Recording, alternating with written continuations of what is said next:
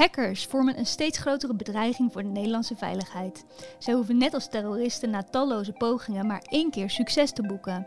De verdedigers daarentegen mogen niet één keer falen. Welkom bij een nieuwe podcast van EW over het coververhaal van deze week. Mijn naam is Fleur Verbeek en ik spreek vandaag met de schrijver van dit verhaal, Erik Vrijzen. Welkom Erik. Dag Fleur. Jij bent in de wereld van internationale cyberaanvallen gedoken. Hoe doet Nederland het in jouw optiek? Uh, nou, Nederland kan het wel, maar uh, mijn conclusie, en ik heb met een aantal uh, toch wel topdeskundigen gesproken op dit moeilijk doorgronden, te doorgronden terrein, maar mijn conclusie is toch dat Nederland eigenlijk nog te braaf is. we kunnen het wel, maar we, we durven het eigenlijk niet zo goed. En je moet, ik denk dat Nederland agressiever moet, moet terugslaan. Kun je, kun je dat meer uitleggen? Waarom zijn wij te braaf? Nou, eerder is gebleken dat als het ging om criminele hackers, dat uh, hackers altijd het, uh, ja, het, het, het kwetsbaarste punt zoeken. En banken waren op een gegeven moment heel vaak uh, het slachtoffer van hackaanvallen. Toen hebben ze daar enorm in geïnvesteerd en ook hun, hun ja, hun systemen daarop uh, aangepast en, en bepanserd, zeg maar. En wat gebeurde er? Uh, opeens waren de Belgische banken het slachtoffer en niet de Nederlandse. En, en dat bewijst volgens mij, dat ze altijd, zoeken het laagste puntje natuurlijk. En, en je moet zorgen dat je, dat je verdediging op orde is. Inmiddels, en daar gaat mijn verhaal over, gaat het ook om, ik zal maar zeggen, geopolitieke hackaanvallen.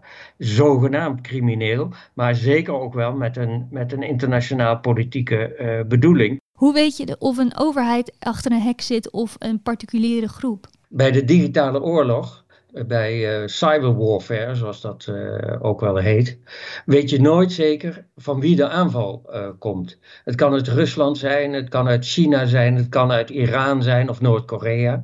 Um, maar vaak uh, hebben de deskundigen wel enig idee van waar het vandaan komt. En die herkennen gewoon de, zeg maar, de digitale vingerafdrukken.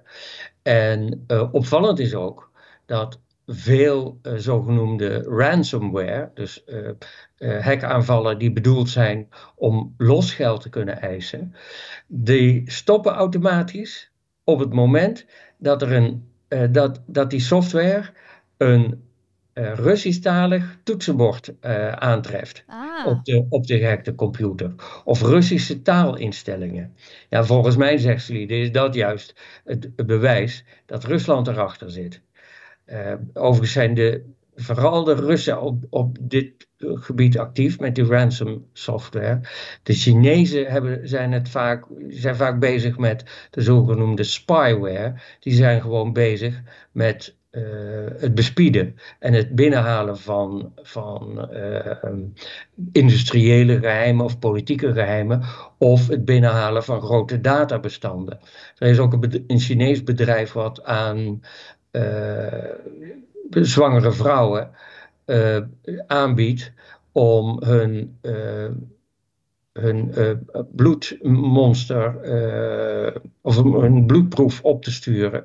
En dan berekenen zij of, of hun kind gezond is, dan wel uh, risico heeft op een erfelijke of chronische ziekte. En die uh, DNA-gegevens van miljoenen vrouwen in het Vrije Westen, die gaan allemaal naar China en die worden daar opgeslagen. En het bedrijf dat, dat deze service aanbiedt, heeft contacten met, met het Chinese volksleger. Dus dan weet je wel, eigenlijk kun je dan wel zeker vaststellen dat je gegevens daar niet veilig zijn. En om, om, om strategische, uh, militair-politieke reden, uh, motieven zullen worden opgeslagen. Ja, want wat kunnen ze dan met die, met die data?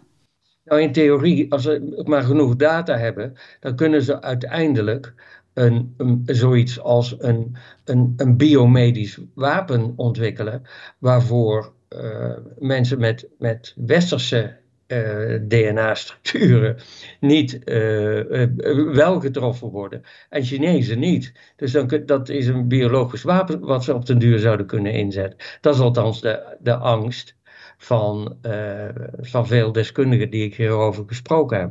Wat kan een klein land als Nederland tegen een uh, grootmacht als China of Rusland beginnen?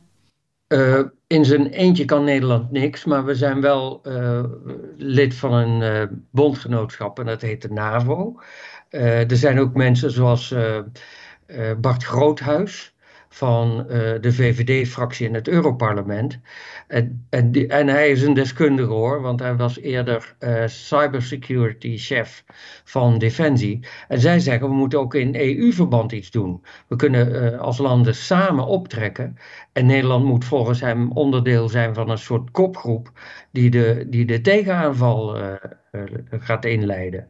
Hoe kan ik me als particulier of bedrijf kan ik me verweren tegen uh, bijvoorbeeld ransom aanvallen? Of hoef ik me als individu helemaal geen zorgen hierover te maken? Nou, ik denk dat iedereen zich zorgen moet maken. Uh, en het goede nieuws is voor ook gewone uh, kleine en, en, middelgrote bedrijven. Vergeet niet, die, vanuit Rusland werden onlangs uh, supermarktketens van de Zweedse Coop aangevallen, maar ook een bedrijf bijvoorbeeld als Mandenmakerskeukens in, in Brabant. En, en uh, de gemeente uh, Hof van Twente en eerder ook de Universiteit van Maastricht. dus eigenlijk iedereen kan erdoor worden getroffen. En um, de, het goede nieuws is wel, als je de goede, uh, wat dan wordt genoemd, digitale hygiëne in acht neemt. Dus een, een goed systeem van passwords en, en uh, beveiligde inlogcodes en dergelijke. Maar ook uh, het altijd kopiëren van je bestanden. Je moet zorgen dat je dat niet uh, zodra je getroffen wordt door een hack, dat je niet ineens alles kwijt bent. Dat je dus reservecapaciteit uh, uh, hebt, hebt opgebouwd. Dan kun je nou 90 tot 95 procent van de hackaanvallen kun je, kun je weerstaan. Dus dan ben je al een stuk minder kwetsbaar. Dat is wat ik van deskundigen hoor. Moet Nederland in jouw ogen een speciale minister aanwijzen, IT? Nou, ik geloof niet dat, dat het met een minister is te verhelpen. Wat ik hoor is dat. Kijk, de, de, de top van, van departementen is vaak uh, enigszins op leeftijd. Net, net als ik trouwens. En uh, juist bij jonge mensen zit de deskundigheid.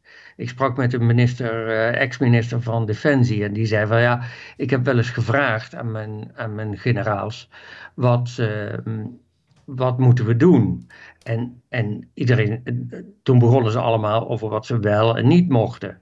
Toen had hij aan zijn adjudant gevraagd of hij vijf of een handjevol jonge mensen uit de, uit de krijgsmacht mocht uh, spreken, die daar iets over wisten. Nou, toen kwamen er vijf soldaten en een, en een luitenant. En eentje was geloof ik overste. En dat waren jonge mensen. En die konden precies uitleggen wat, wat er moest gebeuren volgens hun. En daar zat de deskundigheid. En, en wat er dus, uh, waarom het soms te kort schiet, is dat uh, ja, de, de, de ambtenaren op leeftijd, die, die weten eigenlijk nog niet zo goed wat er speelt. Terwijl juist de jongere mensen uh, een, een, veel betere besef hebben van welk gevaar een, een departement loopt. En, en de cruciale vraag is natuurlijk: wie moet, wie moet preventieve aanvallen gaan voeren. Kijk, het codewoord is voorwaartse verdediging. Je moet niet af gaan zitten wachten tot, tot je wordt aangevallen. Nee, je moet in de gaten houden of ze, of, je in, of ze je in het vizier hebben. En als dat gebeurt, moet je eigenlijk op het terrein van die hackers moet je actief zijn. En je moet, ze, uh, je moet een tegenhack durven, durven plaatsen om jezelf te, te beschermen. En wie moet dat in Nederland gaan doen? Misschien Defensie, misschien de inlichtingendienst uh, AIVD en en MIVD. En, en daarover denk ik dat in de kabinetsformatie een besluit moet worden gevallen.